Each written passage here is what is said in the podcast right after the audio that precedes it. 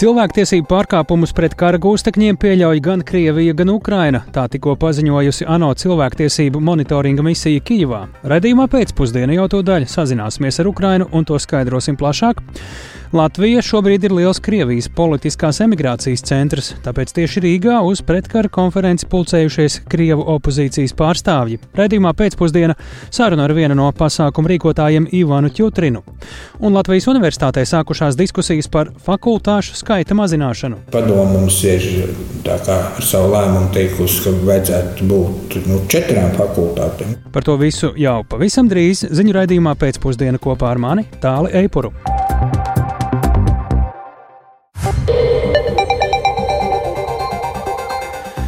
Ir 16,5 minūtes, skan pēcpusdienas ziņu programma, skaidrojot šodienas svarīgus notikumus. Studijā Tālis Eipors.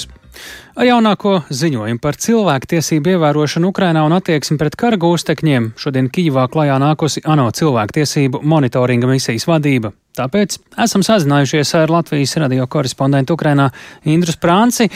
Saka, Indra, kas ir tās galvenās lietas, ko par attieksmi pret kara gūstekņiem no abām pusēm, acīm redzot, akcentē ANO monitoringa misija. Labdien! Jā.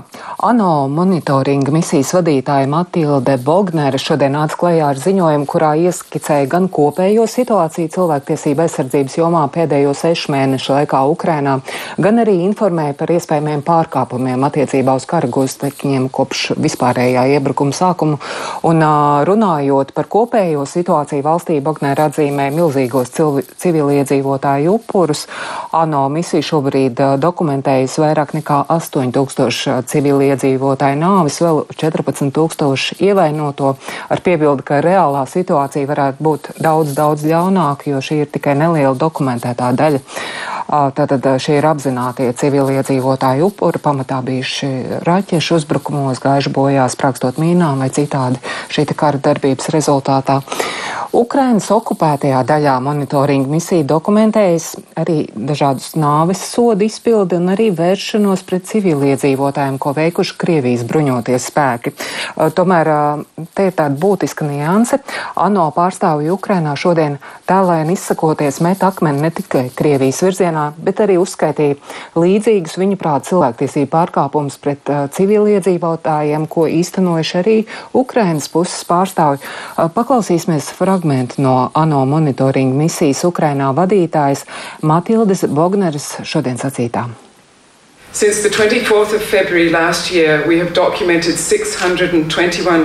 Kopš pagājušā gada 24. februāra mēs esam dokumentējuši 621 lietu par Krievijas militāru personu īstenotu civiliedzīvotāju nolaupīšanu un pretiesisko aizturēšanu. Starp tiem 27, kurus mēs intervējām pēc viņu atbrīvošanas, 90% no viņiem ziņoja, ka Krievijas drošības dienestu darbinieki viņus spīdzinājuši un slikti izturējušies pret viņiem aizturēšanas vietās. Dažos gadījumos notikusi arī seksuāla vardarbība. Pieci no šiem civiliedzīvotājiem bija zēni vecumā no 14 līdz 17 gadiem, kuri tika nolaupīti un pakļauti spīdzināšanai. Kopš pagājušā gada 24. februāra mēs esam dokumentējuši arī 91 lietu par nolaupīšanu un prettiesisko aizturēšanu, ko veikuši Ukrainas drošības dienesti. No 73 mūsu intervētajiem 53% liecinājuši par Ukrainas bruņoto spēku un tiesību aizsardzības iestāžu pārstāvju spīdzināšanu un sliktu izturēšanos.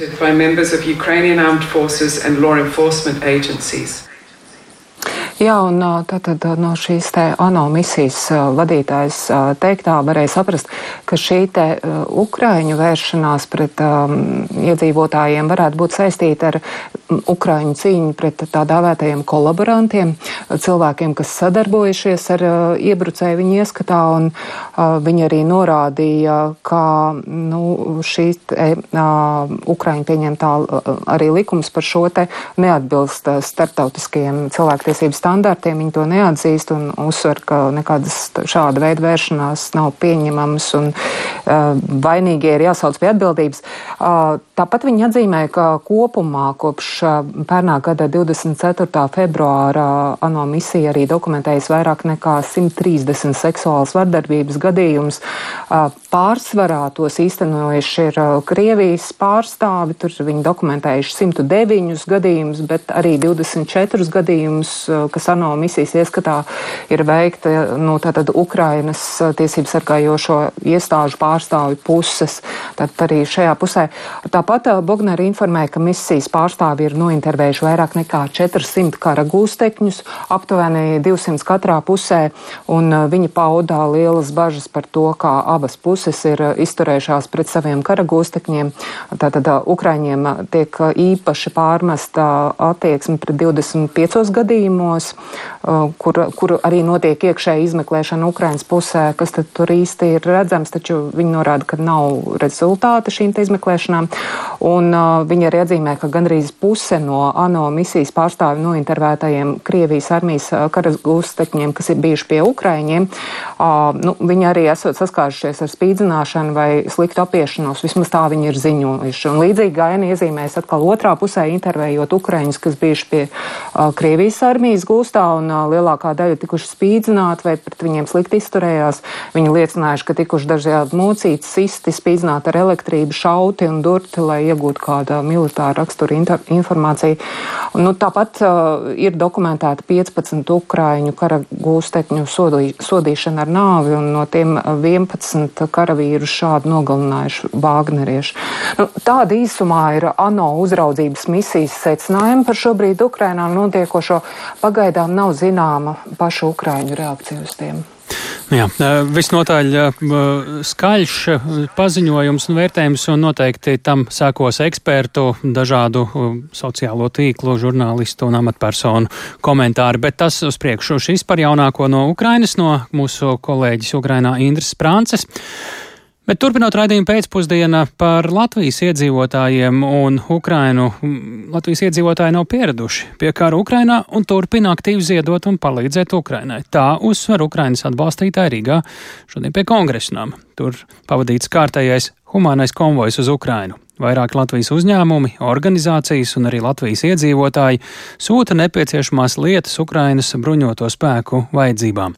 Šoreiz uz Ukrainu dosies arī vairāk transporta līdzekļi, plašāk par humanā konvoja saturu un tā ceļu uz Ukrainu Agnijas Lazdeņas reportāžā.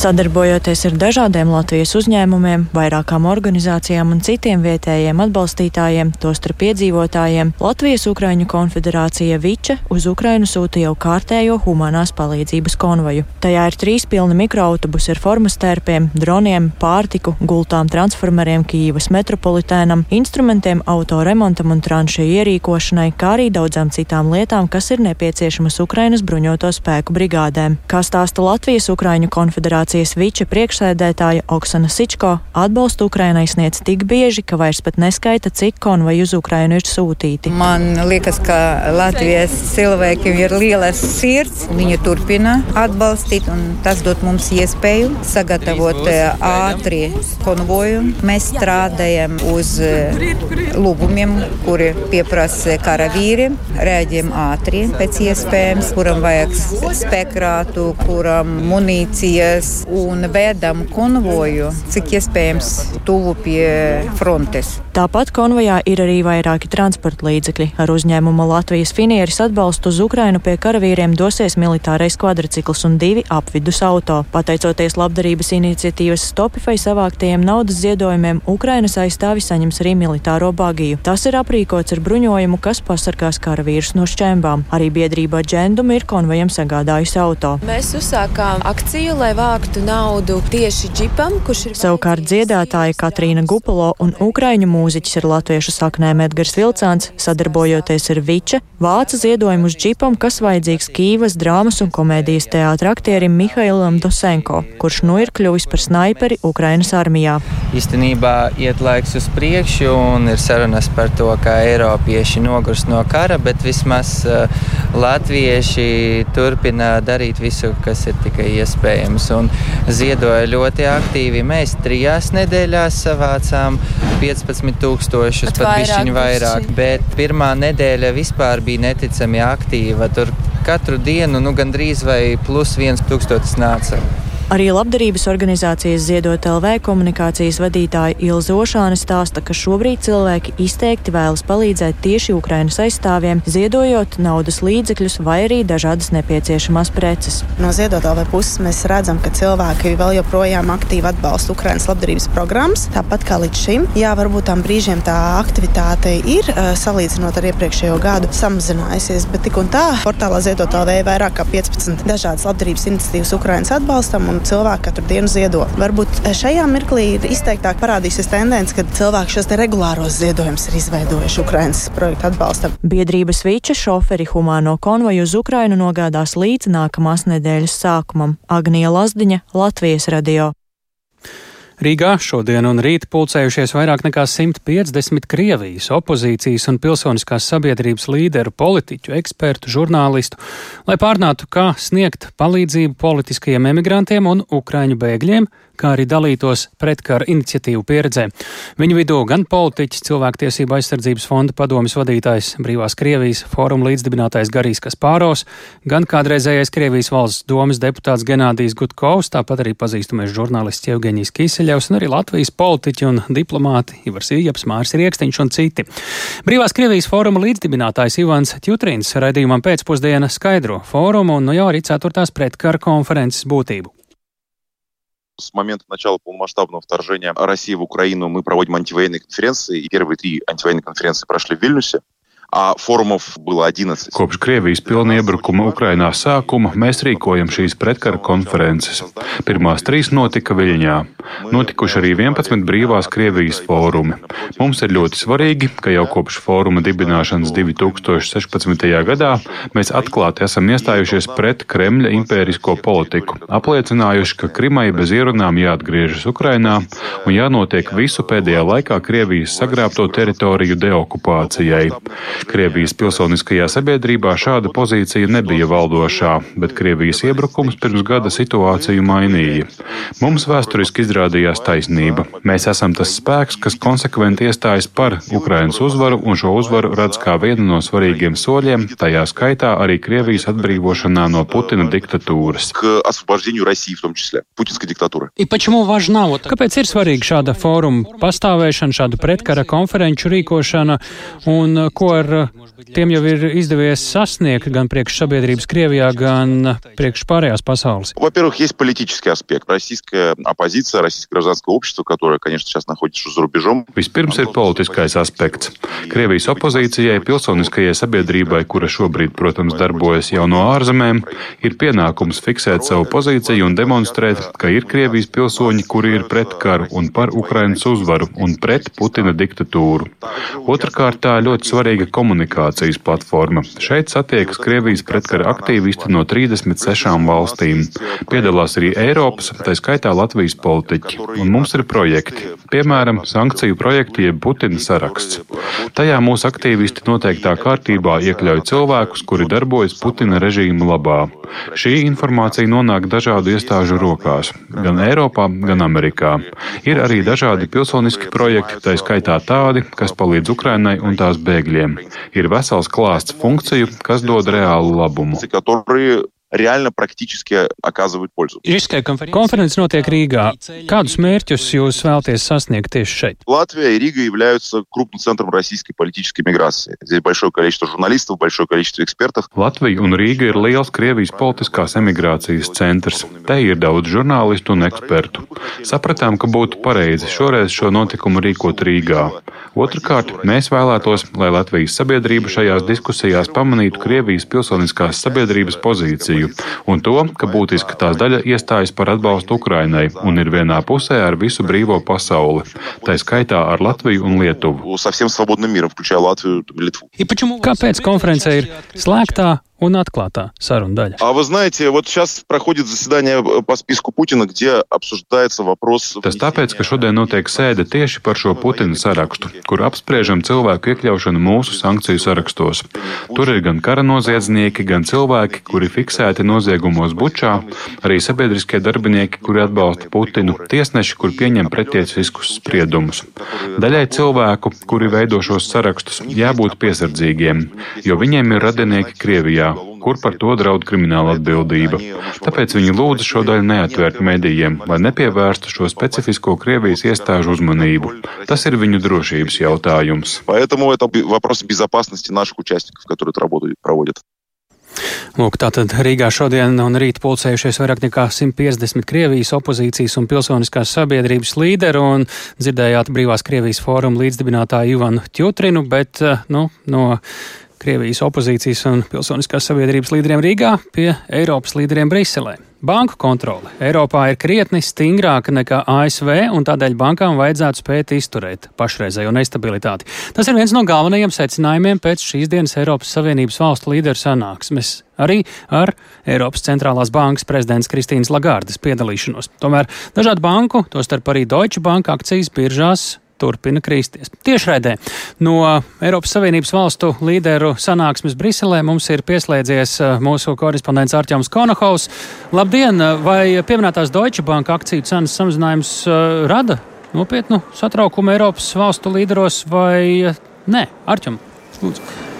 Labdien, tāli. Tiešām es teiktu, ka, ja tas arī rāda, tad tas nav tik redzami šeit. Ja viņi mēģina jebkurā gadījumā noslēpt, ja pat pastāv kaut, kāda stab, kaut kāds satraukums un mierina publiski no dažādi politiķi, bet visi kā viens saka, ka tiešām Eiropas banku sistēma ir stabila, tā spēj izturēt šīs, šos pārbaudījumus, kā darbs, kas ir ticis veikts kopš 2008. gada šobrīd nes augļus, un mēs to redzam, un ka tas arī būtu tas, kas būtu visiem ir jāatcerās un, un jāsaprot. Bet, nu, protams, ir arī vēl lietas, kas būtu darāmas, lai šo situāciju uzlabotu. Premjerministrs Krišjāns Kariņš, pieņemsim, runāja par to, ka ir nepieciešams nu, par atšķirībām starp, pieņemsim, banku uzraudzību Amerikā un par, starp banku uzraudzību Eiropā. Un ka Eiropā bankām jau gadiem nepatīk, ka noteikumi ir tik stingri, bet nu, šobrīd izskatās, ka tas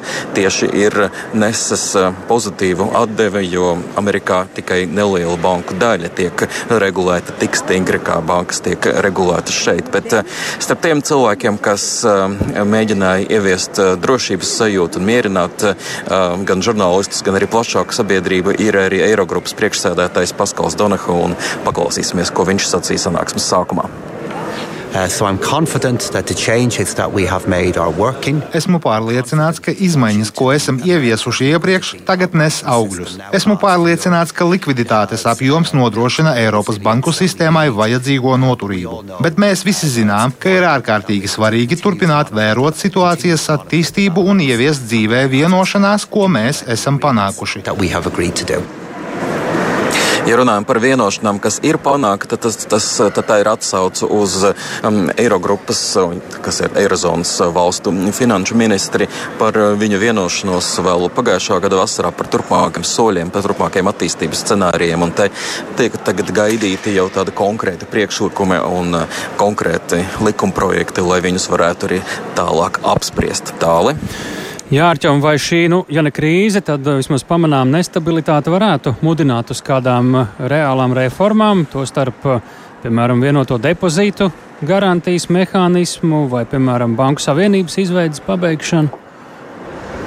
Neapšaubāmi šis ir šobrīd pievērsis uzmanību, politiķu uzmanību jautājumiem, kas skar finanšu sektoru, un ir arī motivējis politiķus pievērsties no jauna šiem jautājumiem, lai vēl vairāk spēcinātu banku savienību un arī vēl mazinātu kaut kādus riskus, kas varētu pastāvēt banku sistēmā. Gan, ja mēs runājam par vienoto noguldījumu garantijas mehānismu, gan arī par kapitālu kapitāla savienību. Un tas ir arī tas, kam premjerministrs Kariņš ir pievērsis īpašu uzmanību, sakot, ka viņaprāt ir ārkārtīgi būtiski veicināt kapitāla savienības izveidi Eiropā, jo tas ir mehānisms, kas varētu palīdzēt valstīm un teiksim, mazināt savu atkarību, ja tā varētu izteikties no bankām, un rast uzņēmējiem citus veidus un citas iespējas, kur var aizņemties naudu savai attīstībai. Un paklausīsimies, ko Kariņš ir sacījis pēc sanāksmes beigām. Reizēm tā ir, ka ārējie notikumi mudina politiķus koncentrēt savus spēkus. Mēs, kā Latvija, ar gadiem esam argumentējuši, ka tas ir vajadzīgs. Viena otra cita Eirozona valsts bija skeptiska. Šodien ap galda es šo skepsi vairs nesadzirdēju. Es ceru, ka tas ir labi. Tā ir pozitīvs signāls tam, ka mēs varētu ar šo grūdienu beidzot šos abus svarīgos aktus pieņemt Eiropā. Vai un kā tas varētu notikt, protams, radīs tuvāko mēnešu notikumi, bet izskatās, jā, ka politiķiem šobrīd ir lielāka apetīta un lielāka vēlme tuvināt savus uzskatus un pakāpeniski spērt arī soļus vai vēl banku sistēmas un arī kapitāla tirgus sistēmas uzlabošanā un tādā veiksmīgākā regulācijā. Un tie tad arī bija svarīgākie jautājumi šobrīd, kas tika apspriesti otrajā Eiropadomas sanāksmes dienā. Tik tālāk Arčuns Konohaus ziņojot par Eiropadoms vai Eiropas Savienības līderu sanāksmi Briselē. Bet Latvijas apņemšanās valstī mazināt nabadzību un veicināt sabiedrības labklājību norit pārāk gausi. Ja valsts un pašvaldības savā darbībā neko nemainīs, tad līdz 2030. gadam nebūs sasniegta pat piektā daļa no ANO ilgspējīgās attīstības apakšmērķiem. Tāds ir viens no secinājumiem valsts kontrolas revīzijā, norādot, ka klupšanas akmens šajā mērķu sasniegšanā ir valsts, kurai steidzami jāsāk politiska virsvadība. Kā pārāk lēno attīstību var pātrināt un ko par valsts darbu secina nozara eksperti, vairāk Viktora Demīdova sižetā. Pirms septiņiem gadiem Latvija apņēmās virzīties uz apvienoto nāciju organizācijas ilgtspējīgas attīstības mērķiem. Tagad ir vidusceļš. Līdz noteiktam termiņam, 2030. gadam, palikuši septiņi gadi. Kopumā izvirzīti 17 mērķi, piemēram, novērsta nabadzība un bats, cilvēkiem ir laba veselība un labklājība, un ir kvalitatīva izglītība, cienīgs darbs, mazināta nevienlīdzība un valda miers. Šie mērķi sadalās gandrīz 170 mazākos mērķos. Lai saprastu, vai Latvijai ir viss nepieciešamais, lai raiti virzītos uz priekšu, valsts kontrole ir veikusi revīziju, kurā secināts, ka darbs līdz šim noticis bez konkrētas virsvadības un plāna. Piemēram, pēdējo dažu gadu laikā Eiropas ilgtspējas attīstības nedēļā Latvijā nenotika neviens pasākums. Turpretim Igaunijā pērn minētajā nedēļā par ilgtspēju bija bija vairāk nekā 70 pasākumu. Valsts kontrole arī secinājusi, ka līdz šim tā arī nebija sadalīts, kurš par ko ir atbildīgs. Ja savā darbā neko nemainīt, tad līdz 2030. gadam no apakšmērķiem būs izpildīti vien 18%. Tāpēc radies iespējas, ka 2015. gadā, kad toreizējais valsts prezidents parakstīja apņemšanos, darbs pie mērķiem nolikts malā. Tā secina valsts kontroles padomes loceklis Edgars Korčāgins. Kopumā, paskatoties ciparos, Latvijai no ilgspējīgas attīstības mērķu apakšmērķiem aktuāli vai tādi, kas attiec uz mums, ir atzīta 82%. Tātad liels šo mērķu skaits. Bet tas, ko mēs redzējām, izskatot cauri attīstības plānošanas dokumentus un izskatot cauri veikto kartējumu, ka 50% ilgspējīgas attīstības apakšmērķi nav saistības ar mūsu nacionālās attīstības plānu un 17% apakšmērķi nav saistības ar mūsu politikas plānošanas dokumentiem. Tātad šī pārnese nav notikusi. Revīzijā arī atklājies, ka nav zināms, vai ilgtspējīgas attīstības mērķiem vispār ir finansējums. Lai mērķus sasniegtu, valsts kontrole norāda, ka steidzami jāsāk politiska virsvadība un kopīgiem spēkiem augstā līmenī jārisina izaicinājumi. Tātad aktīvākam jābūt ministru prezidentam un valdībai kopumā. Par valsts līdzinējo darbu kritiski izsakās dažādu nozaru eksperti. Turpina biedrības Latvijas platforma attīstības sadarbībai direktore Inese Vaivare. Domāju, ka tas ir arī politiski izdevīgi dzīvot bez plāniem, jo tad mēs varam tādus foršus fragmentārus visādus namiņus būvēt pa stūriem, un neviens mums nekad nepajautāja, kas notiek ar to tālāk. Un um, jāsaka, ka sājuma mums tiešām ir uh, bijusi nu, tāda melnā kasta šajā ilgspējīgas attīstības jomā, jo, ja ar valsts pārvaldu mums ir lieliski izdevies sadarboties, nu vismaz veidos, kā mēs esam mēģinājuši to atrast, tad ar Sājums ilgspējīgas attīstības komisiju mums tā sadarbība nav iepriekš vedusies. Un atcerēsimies, ka iepriekšējā sājumā to komisiju vadīja arī opozīcija opozīcijas pārstāvis, ja kam varbūt vispār nebija ilgtermiņa intereses par šo ilgtspējību. Par valsts ilgtspēju un kvalitatīvu dzīvi ir jārunā jau skolā. Tā var secināt no izglītības ekspertes Zanes Oliņas, kura norāda, ka vidusskolās trūkst pedagoģu, kuri skolēniem varētu palīdzēt radīt kādus inovatīvus un ilgtspējīgus risinājumus. Mēs daudz finansējam no publiskās naudas interešu izglītību, bet mēs īsti tāpat līdz galam nezinām, kas to saņem. Daudzi saņem vairāk kārtīgi un daudz, jo ir sociāli aktīvi vecāki, jo viņi atrodas tuvāk pie dažādiem resursiem, un tie, kam to vajadzētu visvairāk, iespējami reāli to nesaņem, bet mums nav veidi, kā par to domāt un to saprast. Un to mēs izglītības naudu izkurinām šobrīd elektrības rēķinos. Tas ir citādi jādomā par to, tā nauda, par kuru mēs domājam, kā par izglītības budžetu, tā skaitā pašvaldības līmenī. Kas ir tas, kas ar šo naudu notiek? Mums ir jāpaceļ grīda, jāpaplašina sienas un jāpaceļ griezti. Tas nav par vai vai domāšanu, to ir iespējams darīt vienlaikus bet mēs domājam visu laiku vai vai kategorijās. Lai mērķus īstenotu, revīzijā valdībai sniegts priekšlikums izvērtēt piemērotāko vadības modeli, noteikt atbildīgo institūciju un precīzu tās kompetenci. Ieteicams arī piešķirt samērīgus resursus, lai darbu koordinētu un uzraudzītu. Viktors Demidovs, Latvijas radio. Tradicionālo piemiņas brīdi represētajiem Šķirotavas stacijā 25. martā Rīgas Latgales priekšpilsētas represēto biedrību šogad nerīkos. Skaidrosim, kur cilvēkiem rīt doties pieminēt represētos. Tas būs viens no tematiem, par ko raidījumā pēcpusdienā runāsim jau pēc brīža.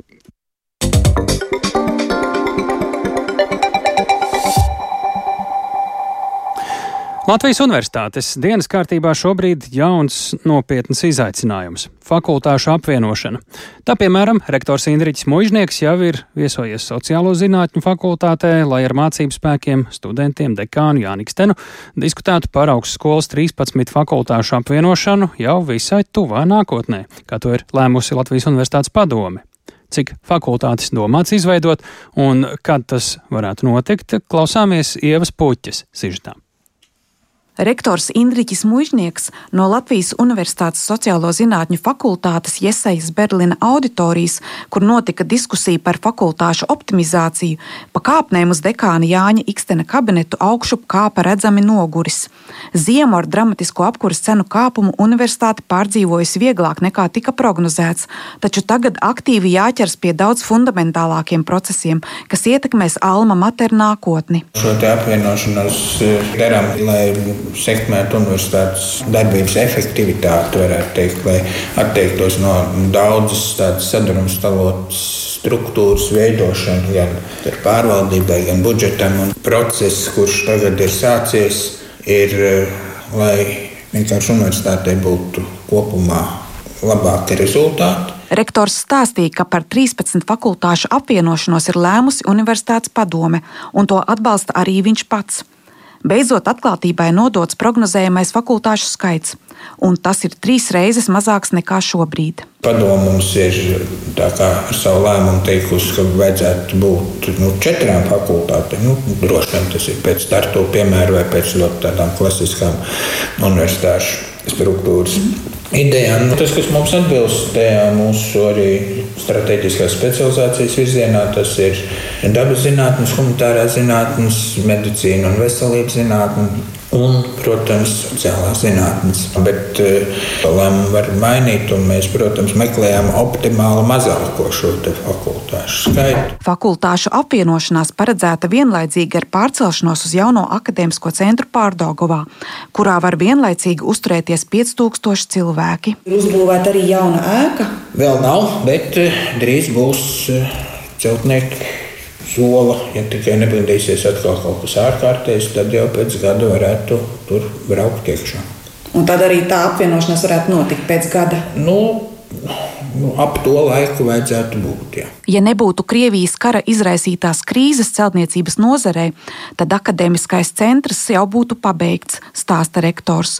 Uz to varētu pārcelties fakultātes no visām citām ēkām, izņemot universitātes galveno māju vietu Raņa bulvārī. Savukārt universitātes vecās ēkas paredzēts atsavināt, lai līdzekļus ieguldītu tās nākotnē. Fakultāšu apvienošana gan nav tikai saimniecisks darbs, ir jāievieš izmaiņas arī normatīvajos dokumentos. Dekāns Jānis Ikstens atklāja, ka daļa kolēģu tomēr bijuši neizpratnē, kāpēc ir nepieciešams tik fundamentāls pārmaiņas. Viņam pašam iebilst pret reformu nesot pašmērķis, jo saredz tai racionālu pamatojumu. Jautājums par to pēc dekāna teiktā rektoram uzdevuši arī sociālo zinātņu fakultātes studenti. Viņi acīm redzami neredzēja sevi humanitāro zinātņu pudurī. Viņi runāja par to, ka būtu nepieciešams tomēr veidot to sadarbību un konsolidāciju ar citām daudz radniecīgākām sociālo zinātņu fakultātēm. Tas šķiet bija viņa nozīme. Nu, tā, tā, tā bija tā viņa lielākā bāža.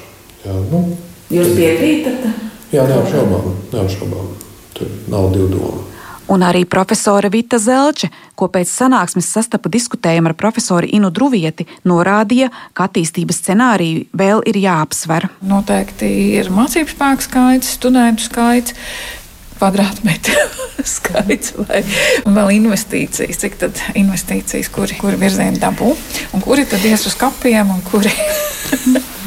kuri tad ies uz kurieni? Uz ballīti, uz restorānu. Visu laiku gribu ierosināt, vajag universitātē izveidot savu kapsētu Tuņkalnā. Un pie tenūras arī to noteikti vajag iekļaut, ka tā ir īpašā profesora privilēģija ir būt apklumāti.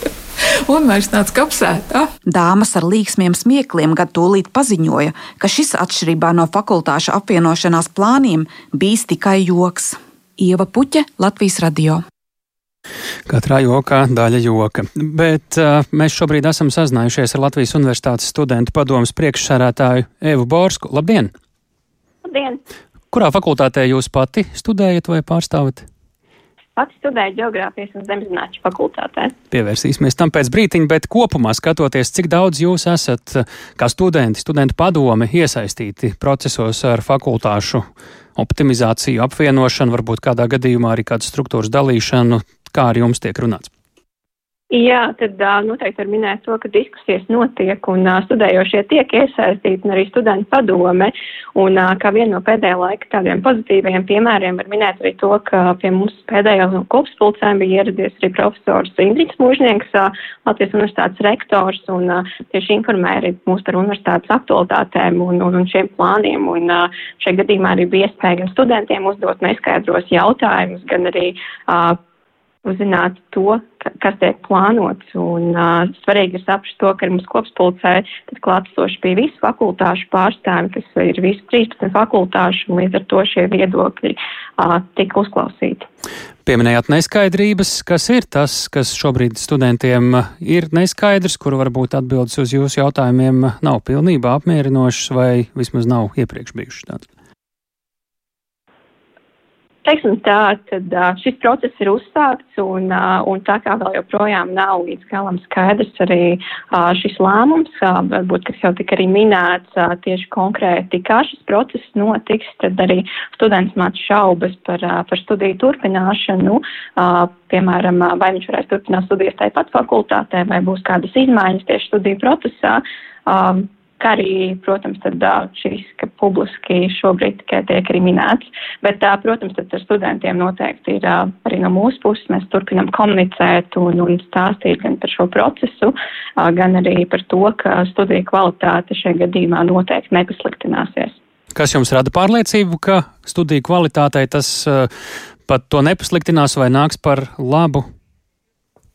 Jo šai gadījumā tiks ļoti uh, mainīt šie procesi, kā rezultātā arī šis personāls akadēmiskais, kas mums ir, tiks uh, lietots, teiksim, tā efektīvāk un uh, būs daudz plašāks iespējas uh, studentiem izvēlēties uh, gan studiju kursus, gan arī fakultātēm savstarpēji apmainoties ar mācību spēkiem un, un, un tiešām arī veidojot šīs, šo starpdisciplināro studiju pieeju. Šobrīd tas nebija iespējams tā? Šobrīd tas ir iespējams, tā, tomēr ir sarežģītāki procesi, lai šo nodrošinātu, kas šajā gadījumā to atvieglotu fakultāšu iekšienē. No 13 uz 4 fakultātēm, kā dzirdējām iepriekš ierakstā, šis varētu būt optimāls modelis, vai tur vēl būtu par ko padiskutēt, jūsuprāt?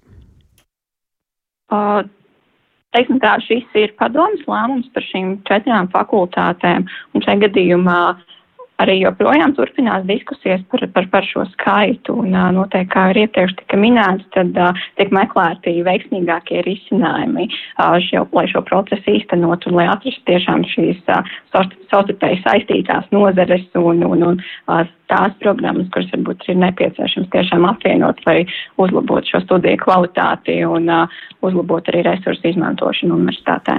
Kā jūs saprotat, kāpēc šis uh, ir izvēlēts par to īstāko brīdi, vai tas ir rezultāts uh, kādreiz notikušajai augstskola reformai ar visām šīm padomu izveidošanām un uh, lēmumu pieņemšana tagad ir iesilusi, vai arī uh, ir vienkārši bija samilzusi uh, sadrumstalotība, vai ir kādi citi iemesli, kā jūs redzat, kāpēc tieši tieši tagad tas notiek? Teiksim tā, tie var būt gan kā iekšējie, tā ir ārējie procesi un noteikti arī to, ka ir nepieciešams pārmaiņas. Mums virza izglītības un zinātnes ministrija un, kā zināms, tad arī šobrīd notiek ārējās konsolidācijas procesi, kas tiek skatīti arī saimnes apakškomisijas sēdēs, piemēram, par potenciālo banku augstskolas pievienošanu vai par Liepājas augstskolas vai Daugavpils un augstskolas arī pievienošanu vai Latvijas universitātei vai kādai citai no Latvijas universitātei universitātēm. Un tad noteikti arī šis uh, mudina universitāti virzīties uz mm -hmm. pārmaiņām un attīstīties. Un pavisam īsi jūs esat no geogrāfa puses uh, piedāvātais risinājums redzējums, kas ir attiecībā uz jūsu līdzšnejo un to pošu fakultāti, jūs apmierina? Halo? Jā. Jā, vai jūs dzirdējāt jautājumu nu pat? Vai Jā, es uh, dzirdēju jautājumu, tad jā, es uh, šajā redzu ļoti daudz uh, tiešām pozitīvās puses, jo tiktu paplašināta šī iespēja dabaszinātnēs izvēlēties gan šos kursus, gan arī uh, veiksmīgāk, kā jau es iepriekš minēju, arī šo mācību spēku izvēlēties, kurš kursus docēs. Un uh, šajā gadījumā jau dabaszinātne savā ziņā mhm. ļoti veiksmīgi sadarbojas, un tad šīs tiešām palīdzēs uh, tādā fundamentālākā līmenī. Vēstījums saprasts. Paldies par sarunu Evai Borskai, Latvijas Universitātes studentu padomas priekšsēdētājai, bet turpinām mēs ar stāstu, kurš rīt būs īpaši svarīgs daudziem. Rīgas Latgals priekšpilsētas represēto biedrību šogad nerīkos tradicionālo piemiņas brīdi represētajiem šķirotavas stācijā. Iemesls gana prozaisks ir nokvēta pieteikšanās pašvaldības atbalstam, un līdz ar to šogad, kas visiem jāņem vērā 25. mārta tradicionālais atceres pasākums notiks citādāk nekā līdz šim. Kā Latvijas eh, politiski represēto apvienību šogad pieminēs un godinās 49. gada komunistiskā režīma politisko represiju un deportāciju upurus, esam sazinājušies ar apvienības valdes locekli Dagniju Liepiņu uz īsu sarunu. Labdien! Labdien! Īsumā, kāpēc šogad piemiņas pasākumi notiks citādāk nekā citus gadus ierasti? Citādāk notiks tāpēc, ka īstenībā jau pagājušajā gadā notika savādāk, jo svinīgā svinīgā tā ceremonija notika pie mūsu jaunas celtā uh, padomu komunistiskā režīma upuru piemiņas memoriāls Strelnieku laukumā. Uh, Pagājuši gadu notika tur tā svinīgā ceremonija, un pēc tam mēs gājām gājienā uz uh, brīvības pieminiklu, un tur arī vēl nolikam ziediņas. Un tā šķirotavas stacija? Ko lūdzu? Tā šķirotavas stacija, kur? Šķi, šķirotavas stacijā pagājuši gadu notika, bet šogad nenotiks. Jo? Uh, un, un, un šogad būs tā, ka mēs pulcēsimies pulkstenis, no pulkstenis 12 līdz pulkstenis 12.20. Mēs pulcēsimies pie brīvības pieminekļa, un tad mēs iesim gājienā pa kaļķi ielu, iesim uz, strelnie, uz strelnieku laukumu, un tur notiks svinīgais, uh, svinīgā ceremonija, uzrunas un ziedu nolikšana. Tur piedalīsies valsts prezidents saimnes priekšsēdētājs, ministra prezidents, Rīgas domas vadība, NBS augstākā virsniecība, ārzem diplomāti un, un, un, un tur notiks viss tā svinīgā atceres ceremonija. Šis ir centrālais notikums. Tas būs centrālais notikums. Bet uh, pieminēšanas, uh, piemiņas pasākumi, atcerēšanās pasākumi notiek arī visā Latvijā, jo deportācijas skāra visu Latviju. Ieskicējiet nedaudz cilvēki, kur reģionos mūs klausās, kam viņiem pievērst uzmanību. Ziniet, es šobrīd atrodos pati, ziniet, kādā pasākumā pirmo reizi es dzīvoju Ogres novadā. Un šogad mēs šobrīd taisni piedalāmies visu dienu pulksten deviņos, mēs sakāpam represētie divos autobusos, un mēs braucam pa visu novadu, pa visām represēto piemiņas vietām. Uh, uh, visur piestājam, visur noturam svinīgu tādu brīdi, un noliekam ziedus, no, aizdedam svecītes, parunājam un dodamies atkal uz nākošo. Šobrīd mēs esam Meņģelē, un, un tūlīt mums notiks arī tas svinīgais brīdīs arī pie Meņģeles piemiņas vietā. Un, Jā. un tā notiek visās, visās, visos, bet tas, bet tas notiks, pārsvarā notiks rīt viss.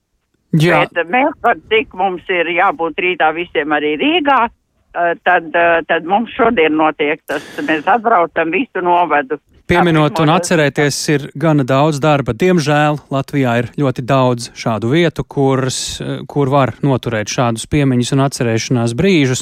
Mēs sakām lielu paldies šobrīd Dagnijai Liepiņai, Latvijas politiski represēto apvienības valdes loceklē, un jā, un atgādinām, ka tātad rīt 25. martā pulksten 11. vienlaikus tātad visos Latvijas novados un pilsētās, kā arī ārpus Latvijas piemiņas pasākumos aizvestie, neaizmirstie pieminēs 74. gada dienu kopš 1949. gada 25. mārta deportācijām 42,300 Latvijas ļaudis tika vārdarbīgi deportēti ārpus Latvijas uz Krievijas Sibīrijas plašumiem. Šis bija ziņu raidījums pēcpusdiena. Mēs tiekamies nākamnedēļ, kā katru darbdienu. Tātad sakām līdz pirmdienai. Šo raidījumu veidoja Tāls Eipurs, Ilze Agīnta, Renārs Šteimanis, Mārtiņš Paeglis. Mūsu raidījumu meklējiet arī Latvijas radio mobilajā lietotnē. Dalieties ar to arī ar tiem, kuri šo raidījumu varbūt nav paguvuši dzirdēt vai, ja paši esat nokavējuši noklausīties.